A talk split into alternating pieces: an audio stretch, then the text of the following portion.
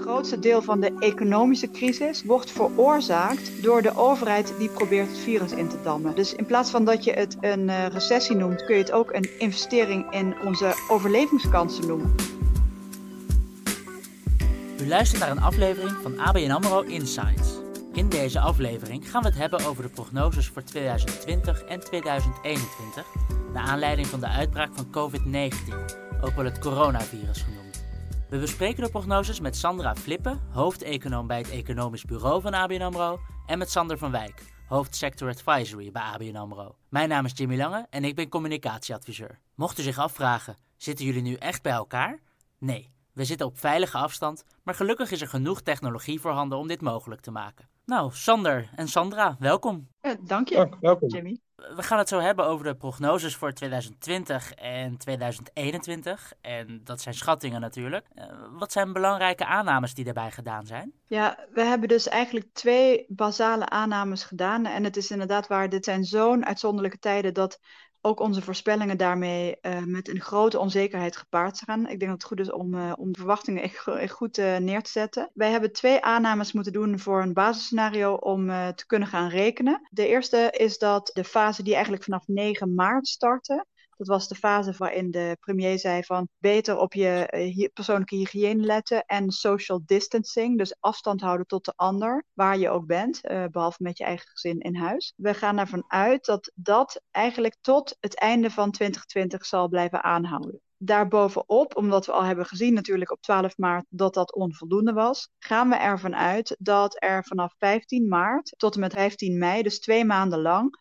dat er een lockdown scenario geldt. En uiteraard weten we dat in de praktijk er officieel nu nog geen lockdown is. Maar wat we zien is dat de maatregelen die er wel zijn genomen, dus het sluiten van een aantal uh, van, de, van de horeca, van, van alle evenementen, van, van bijeenkomsten en sinds eergisteren het uh, samenscholingsverbod, dat zijn toch maatregelen die verdacht veel lijken op een lockdown. En daarbij wat je ziet is dat huishoudens en bedrijven ook uit onzekerheid zelf nog extra maatregelen gaan introduceren voor hun eigen werknemers en uh, in, in, hun eigen leven. Dus wat je ziet is dat de uitkomst van zeg maar, een driekwart lockdown eigenlijk leidt tot een echte lockdown. En dat is wat wij nu aannemen. Dus we denken dat halverwege mei uh, gaat het leven langzaam weer uh, hervat worden. Mensen gaan weer naar het werk, mensen gaan weer erop uit. Maar die social distancing die blijft behouden in ons basisscenario helder. Dan ingaand op de prognoses zelf, wat zeggen die? Ja, het hele algemeen beeld wat wij zien is dat COVID-19, oftewel corona, tot een uh, kortstondige, maar wel diepe recessie uh, gaat leiden in de eerste helft van dit jaar. Um, daarna dan zien we dat in het derde kwartaal met name de consumptie weer terugkomt. En dan in het vierde kwartaal eigenlijk een, een paar tweede ronde effecten eigenlijk optreden, zoals bijvoorbeeld uh, werkloosheid die toch wat gaat toenemen en lagere investeringsbereidheid door alle onzekerheid die nog even aanhoudt. En daarmee komt de economische groei groei komt eigenlijk op krimp. Oké, en je had het over een tweede ronde van effecten nadat initieel het consumentenvertrouwen weer toeneemt. Waar komt die tweede ronde vandaan? Ja, dat komt eigenlijk door, door een samenspel van factoren. Dus het eerste wat we zien is dat toen de virusuitbraak begon, uh, dat was in China, toen uh, zagen we dat de productie uh, in China stilviel. en China is het productiehuis van de wereld. Dus wat je eigenlijk daaruit ziet is dat de aanbodketens wereldwijd zeg maar verstoord raakten. En, en dat galmt zeg maar nog een tijdje door in die wereldeconomie. Tegelijkertijd zien we dat door de, ja, de toch echt ongekende vraaguitval van consumenten uh, dat we zien dat ondanks alle maatregelen van de overheid, dat de werkloosheid gaat oplopen. En als de werkloosheid gaat oplopen, dan gaan mensen ook op termijn, zeg maar, uh, andere beslissingen nemen. Dus minder consumeren. Dus dat na een initiële opvering van de consumptie, als mensen weer aan het werk mogen en weer naar de kroeg mogen en, en naar een restaurant, uh, dan zul je toch zien dat, dat er een aantal van die factoren van zo'n zware schok, zeg maar, dat die nog een tijdje doorwerken in de economie. En de twee die ik net genoemd heb, die, die zijn daar onderdeel van, maar, maar zeker ook heel belangrijk zijn de, uh, de investeringen. Want ja, ondernemers ja, die schrikken enorm van dit soort ontwikkelingen en, en stellen gewoon grote investeringen uh, waar ze onzeker over zijn uh, in deze tijden. Stellen zich langdurig uit. Ja, dus in feite kun je zeggen dat je zowel aan de vraag als bij de aanbodzijde het effect ziet van die schok. Dat maakt deze crisis eigenlijk uniek. Dat hebben we ook nog nooit gezien. Dus er is een aanbodschok Er is een vraagschok. En wat er eigenlijk nog bij komt, en dat heb ik nog helemaal niet genoemd, is dat er een enorme verkrapping plaatsvindt op de financiële markten. Uh, beleggers vluchten uit, uh, uit aandelen. En die verkrapping die heeft op zichzelf weer uh, leidt tot, tot minder investeringsbereidheid en, en, en raakt ook de reële economie. Nou ja, en wat daarbij dus dan ook speelt, is dat, en dat is ook bijzonder aan deze situatie, dat er ook sprake is van een stapeling van effecten. Een verhoogde werkloosheid tot een dalend consumentenvertrouwen. En feitelijk werkt dat loopje eigenlijk continu door. En je merkt dus dat dat effecten heeft op eigenlijk alle onderdelen in die keten. Dat, hè, we, kijken nou naar de sluiting vanuit de, vanuit de horeca. Het feit dat restaurants dichtgaan betekent dat de partijen die spullen aanvoeren graag uitval hebben. Betekent dat de horeca groothandel uitval uh, heeft. Dat betekent ook dat de boer die het produceert ook weer uitval heeft. Denk ook aan, aan nou, dus de winkelstraten zelf. Hè. Het, het, feit dat winkels sluiten heeft ook effect op andere dienstverleningen. Als het gaat om uitzendkrachten, als het gaat om beveiligingsbedrijven. Maar ook als het gaat om adviesbureaus die het, die het, die het MKB Oké, en zijn er dan ook sectoren die het juist wel goed doen nu? Ja, die, die zijn er wel, uh, uh, maar die zijn wel sterk beperkt. Hè. Denk, denk aan de TNT-sector. Daar zie je dat als gevolg van het, van het grotere thuiswerken bijvoorbeeld, dat er gewoon een grotere vraag is aan uh, ja, data-gedreven oplossingen. Dus daar vaart die sector wel bij. Je ziet wel in, in andere sectoren sommige deelsectoren die het goed doen. Hè. Kijk, naar, kijk naar supermarkten bijvoorbeeld. Maar over het geheel gezien zie je voor nagenoeg iedere sector een daling voor 2020.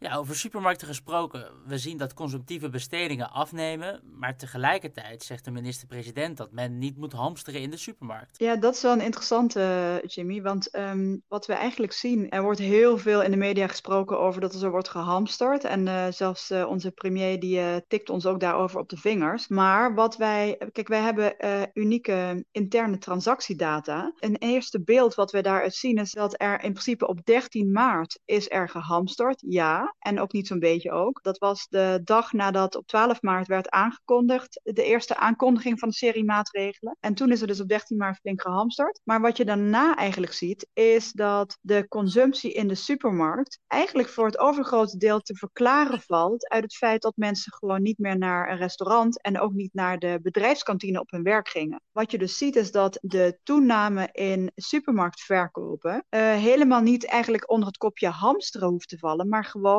een rationeel meer inkopen, omdat je meer tijd in je huis doorbrengt en dus van, van ingrediënten zelf je eigen maaltijd maakt. En dat is eigenlijk uh, wat we in de data zien gebeuren. En dat betekent dus dat er ook een substitutie-effect is van de uitval in de horeca naar de extra vraag in de supermarkt.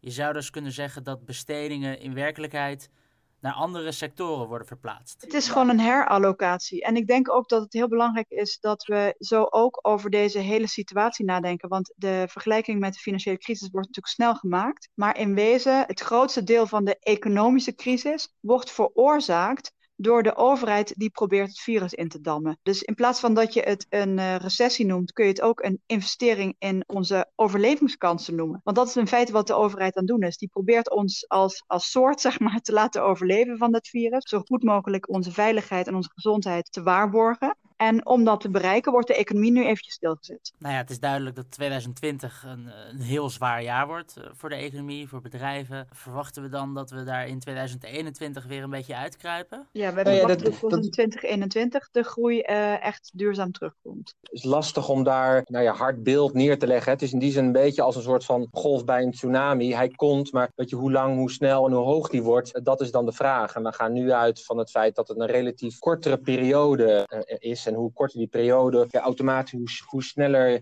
je er ook van herstelt. En dat is in die zin, als je het ook doorvertaalt ook naar zeg maar, handelingsperspectief voor die ondernemer, wel een, wel een belangrijke. Gegeven het feit dat we eigenlijk zeggen dat die relatief kort is, eh, zie je ook in de aanpak vanuit ondernemers dat, dat het advies is eh, om gewoon direct ook de focus te hebben op, op je liquiditeit. Als, als een korte termijn effect uh, speelt, ja, is cash is king, zoals ze dan zo mooi zeggen. Waarbij als ondernemers zo snel mogelijk moeten inspelen op de maatregelen die worden aangeboden, zoals van, vanuit de overheid, maar ook wat wij als bank gezamenlijk nemen om daar direct op kunnen inspelen. En het advies daarbij is ook, weet je, leg ook gewoon direct contact met je ketenpartners om gewoon verrassingen tegen te gaan. En we zeiden al eerder, het is een keteneffect wat hier speelt. En als jij je eigen maatregelen rondom je liquiditeit neemt, maar er gebeurt iets verderop in de keten of iets in je aanvoerlijn, dan heeft dat direct effect op je liquiditeitspositie. Tot slot dan nog, we verwachten een krimp voor het komende jaar. Zien we binnen die economie ook verschuivingen plaatsvinden?